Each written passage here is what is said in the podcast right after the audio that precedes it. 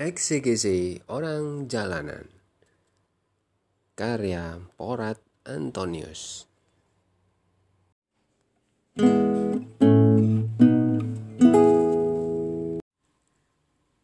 Hari Raya Tubuh dan Darah Kristus Tahun Liturgi A. Ada ungkapan. Di dalam tubuh yang sehat terdapat jiwa yang sehat yang menyiratkan bahwa pintu masuk kehidupan manusia yang terdiri atas tubuh dan jiwa itu adalah tubuh. Artinya, kehidupan jiwa ditentukan oleh kehidupan tubuh. Jika tubuh sehat, jiwa pun sehat. Dalam perjalanan sejarah, akhirnya berkembang pula pandangan yang mencoba memberi perhatian pada jiwa. Apa sebenarnya yang dibutuhkan jiwa? Manakah yang menjadi prioritas? Tubuh ataukah jiwa?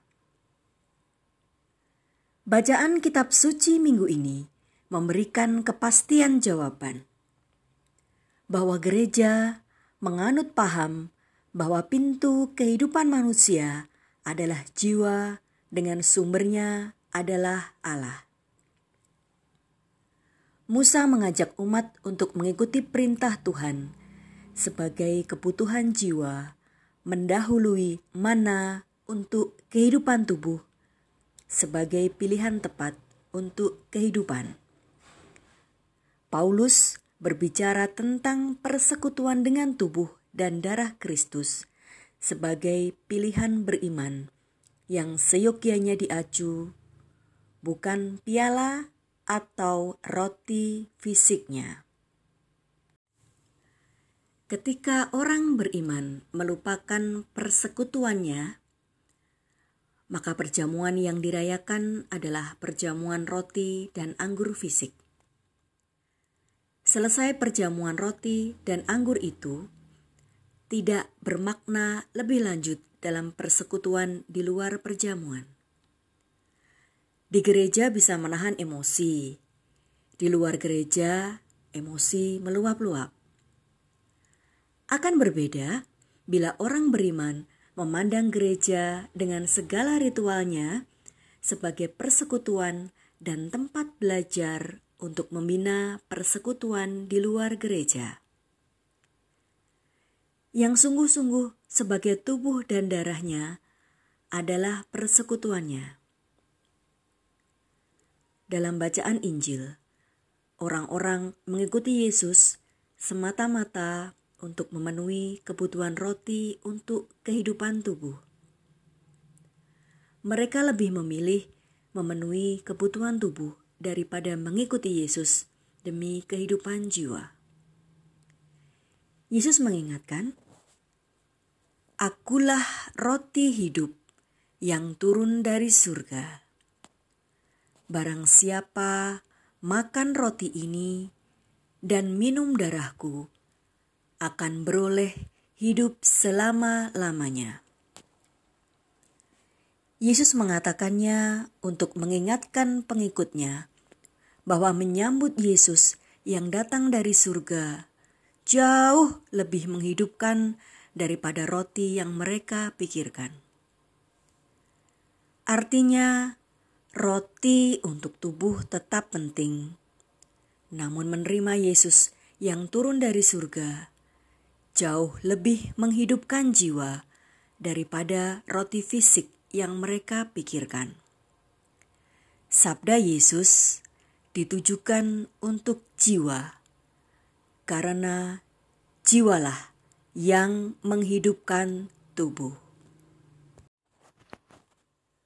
Bacaan minggu ini pada intinya menggambarkan kasih Allah.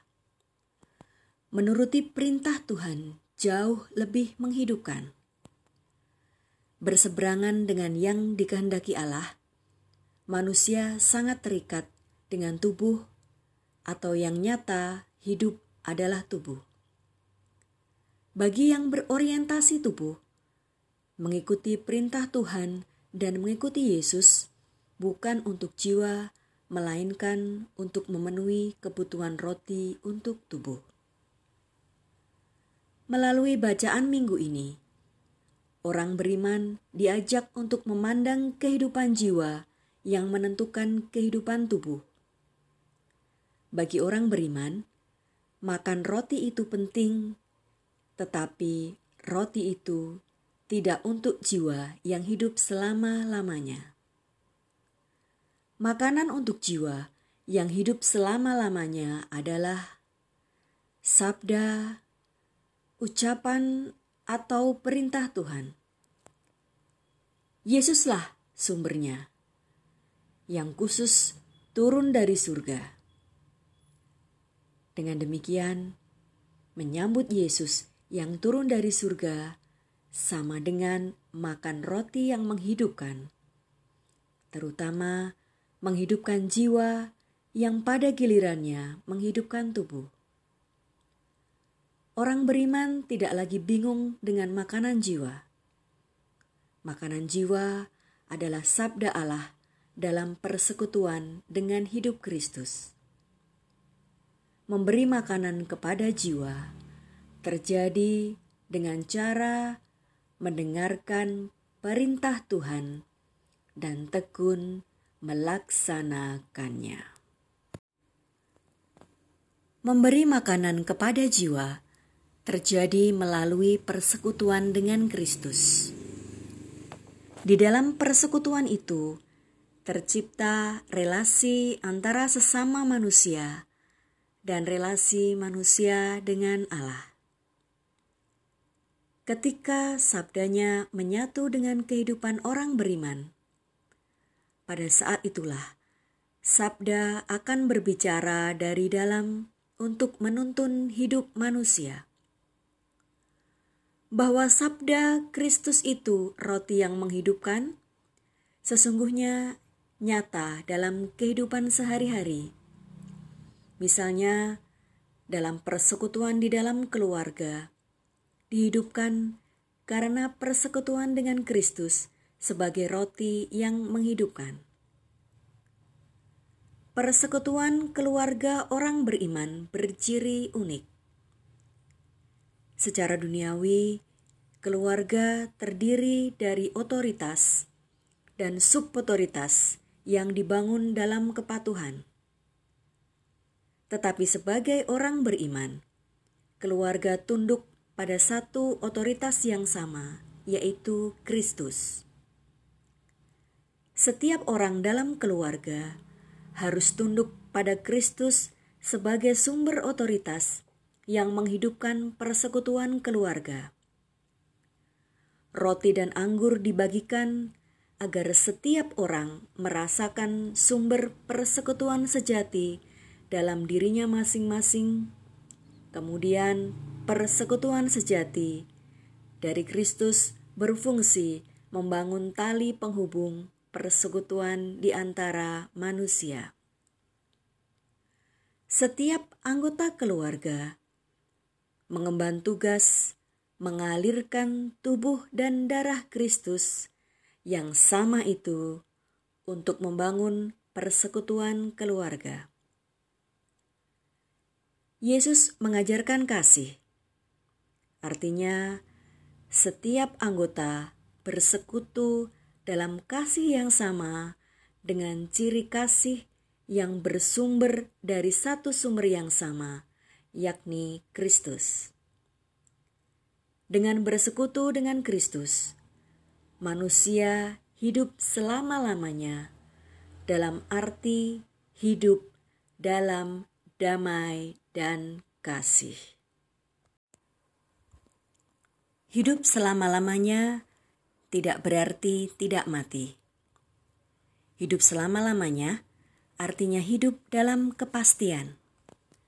Pasti damai, pasti sukacita, pasti berkecukupan, pasti dalam semua aspek dalam keluarga sehari-hari. Dengan demikian, secara jiwa, hidup selama-lamanya berarti tidak mengalami penderitaan abadi, melainkan hidup bersuka cita selamanya dan mengalami sukacita sempurna bersama yang turun dari surga itu. Secara tubuh juga demikian. Yang mendahulukan makanan jiwa pun tidak menderita. Di dalam diri anggota keluarga, sebagai persekutuan tubuh pun akan hidup kasih dalam rupa sukacita, sabar, memaafkan, rela berkorban, rajin, dan sebagainya yang pada gilirannya berpengaruh pada kesehatan tubuh. Yang hidup dalam keluarga sukacita dan damai jarang menderita fisik seperti darah tinggi, jantung, atau diabetes.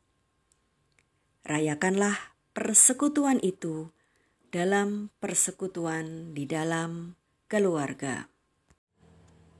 Eksegesi orang jalanan karya Porat Antonius.